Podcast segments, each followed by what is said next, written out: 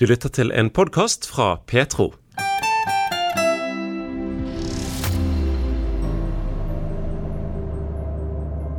Huu ndio mwanzo wa habari kubwa kuliko zote zilizowahi kusimuliwa kuhusu mwanadamu. Anatoka wapi?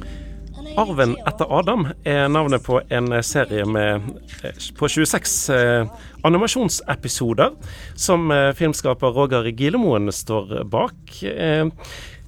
Med støtte fra Norsk Luthersk Misjonssamband og Norea Mediemisjon. Og Roger Gillemoen, eh, først for de som ikke har hørt om dette prosjektet før. Hva, hva er det? Hvordan vil du beskrive det? Veldig enkelt så vil jeg sagt at det er søndagsskole. Det er egentlig, Jeg forsøkte å fortelle bibelhistorier med en sånn fortellerstemme som gjør at det skal bli litt enkelt å få med seg svingende svingene hva som skjer. Og hvorfor eh, lages Arven etter Adam? Det er en rekke tilfeldigheter, eller som vi har blitt pålagt da, å si vi som tror på Gud. Gudfeldigheter. Nei da. Så eh, ja, jeg var jo rett og slett ute i Tanzania i 2015 med kona mi. Hvor hun var misjonær, og jeg var misjonær kone. Så jeg skulle ha hjemmeskole for barna. Eh, og så gikk jo det veldig bra. De lærte seg engelsk, og da plutselig ble det internasjonal skole på de, og jeg ble arbeidsløs. Så hadde vi sånn barneklubb hver fredag. Og så tenkte jeg hei, disse ungene er jo akkurat som mine barn og barn egentlig overalt i verden. De liker de samme tingene, men de har ikke noe medieinnhold laget for dem. Og da ble ideen om å lage det født. Du er jo ikke noen eh, nybegynner når det gjelder animasjonsfilm. Du har til og med vunnet Hedda-prisen eh, for eh, animasjon til en teaterforestilling. Hvordan begynte det med animasjonsarbeid for deg, egentlig? Det har egentlig vært noe som har vært med meg hele veien. Altså Interessen har vært der hele tiden fra jeg var liten. Jeg visste kanskje ikke hva jeg definerte det som, men så fort man fikk tilgang til et kamera eller en datamaskin, så var jo det noe jeg har drevet med helt ja, tilbake til jeg har vært sånn 12-13 år. Så kan jeg huske at jeg har gjort tilsvarende ting. Men, men selve jobben, det er jo det er også helt tilfeldig. Altså Jeg hadde egentlig tenkt å bli politi. Eh, og så var jeg på tjeneste, jeg var i tjeneste, tjenestegjorde i Kosovo, eh, i fredsbevarende styrkene. Så sendte moren min opp med opptaksprøvene til Westerdals reklameskole. Så tenkte jeg det var gøy, så jeg fylte ut det. Og så kom jeg ikke inn på Politihøgskolen, men jeg kom inn på Westerdals. Så da ble jeg art director. Og, så det er bare helt tilfeldig. Eller gudfeldig, da. Ja, nettopp. Ja, det, er gudfeldig ordet. Hva legger du i det? Ja, det er jo Hvis du tenker at eh, mange ting går sammen for å fremme noe som kan være til fordel for eh, Guds rike, kan man vel si da.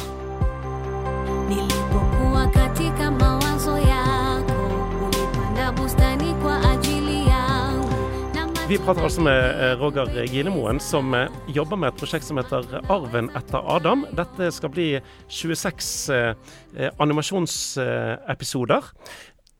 Og du kalte det i sted en, en søndagsskole. Hva slags bibelhistorie skal du gjenfortelle i animasjonsformat gjennom denne serien? Vi har tatt tak i historier som både muslimer og kristne kjenner til. Fordi i målområdet så er ca. halvparten av befolkningen muslimer og halvparten kristne. Og de lever sammen uten at det er noen store konflikter rundt det. Så det er en ypperlig plattform å vise folk historiene fra begge sider. Eh, Så jeg starter med Adam og Eva, og så er vi over på Abraham eh, og Isak.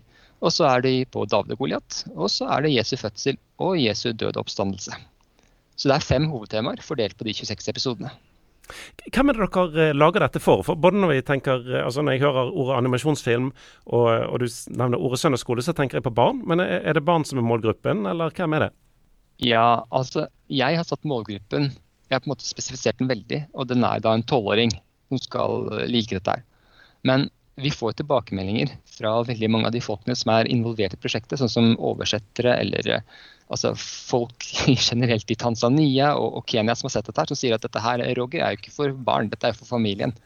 Så det virker som at de voksne også liker pilotepisoden da, som vi har laget, og mener det er for alle. Språket i episodene er swahili, og hvorfor det? Vel, ja, altså det er jo Ja, der igjen. Dette startet som et lite prosjekt.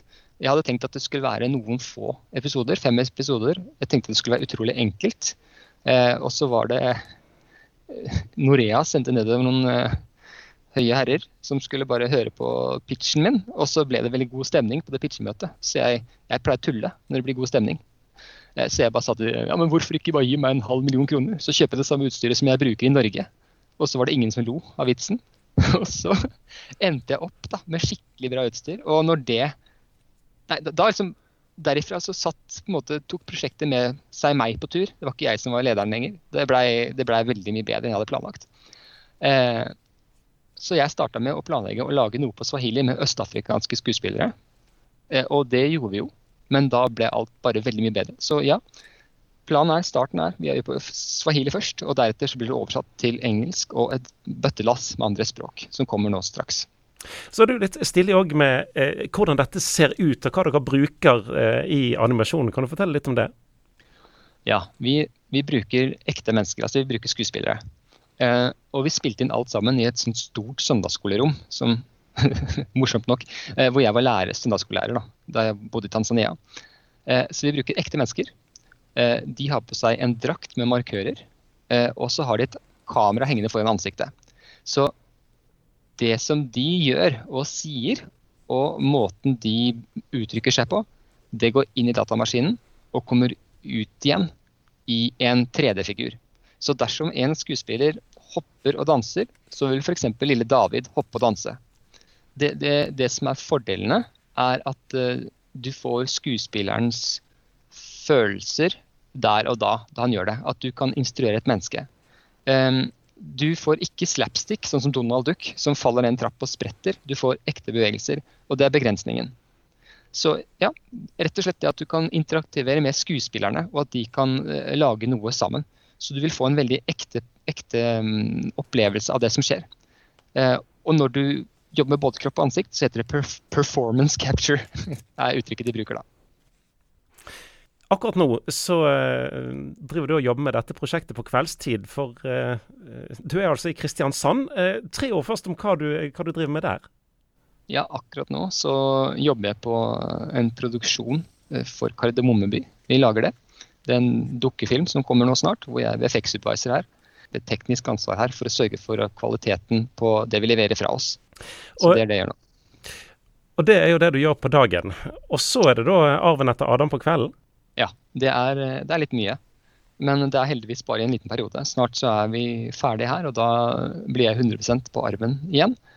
Um, og da, skal vi, da kommer vi til å produsere ganske mye. Det vi gjør nå, er at vi setter opp en veldig god pipe med alle de som er involvert i produksjonen. Slik at dette skal gå smooth. Det, det var et litt eh, fremmedord, en pipe. Ja, du kan si at eh, hvert prosjekt er unikt. En pipe er på en måte en blå, blåtegning, en blueprint, for hvordan alt skal gjøres. Eh, så slik at alle menneskene som er i produksjonen får sin del. For det er jo et enormt apparat som er i gang. Altså Vi har mennesker som lager klær, hår, kropper, som setter inn rigger, som simulerer alt som skal bevege seg. Lager figurer. Vi har folk som simmer elver, eksplosjoner, eh, partikler av alle mulige slag. Det er, eh, ja, det er utrolig mange arbeidsoppgaver. Alle sammen skal delegeres og vite hva de skal gjøre. Og du skal altså òg ut til, eh, til Mombasa i Kenya eh, på, på sensommeren for å lede prosjektet derifra. Ja, alt jeg trenger er internett og datamaskin. Fordi hele teamet er spredt overalt. Og når blir det ferdig? Um, det er det store spørsmålet. Jeg vil anslå at uh, Jeg tror vi skal klare å ha det ferdig i løpet av ca. tre års tid. Eh, Alt, alt det her kommer litt an på om pengene kommer på tiden, og om vi klarer å lage en god nok arbeidsflyt. Og hvis alt det her sitter, så er det bare å oppskalere teamet og kjøre på. Hvis du skal få lov å, å drømme litt grann, eh, avslutningsvis, hva ønsker du, håper du, drømmer du at eh, fruktene, resultatet av dette prosjektet skal bli? Ja, det er faktisk jeg ganske klar på. Eh, Da jeg var liten, så var det noen få ting som satte seg igjen hos meg som barn. Det var noen få ting jeg kunne se på barne-TV som jeg koste meg med. Og jeg håper at siden det er noen av de første animasjonsfilmene på språk som disse barna snakker selv, som ikke er på engelsk, som de kommer til å se, så håper jeg det vil skape inntrykk hos de, og at de kan ha med seg noen positive opplevelser, både eh, muslimer og, og kristne, fra bibelhistoriene. Det er det jeg håper de sitter igjen med. la kutuokoa. Kwa kusudi la kutuokoa.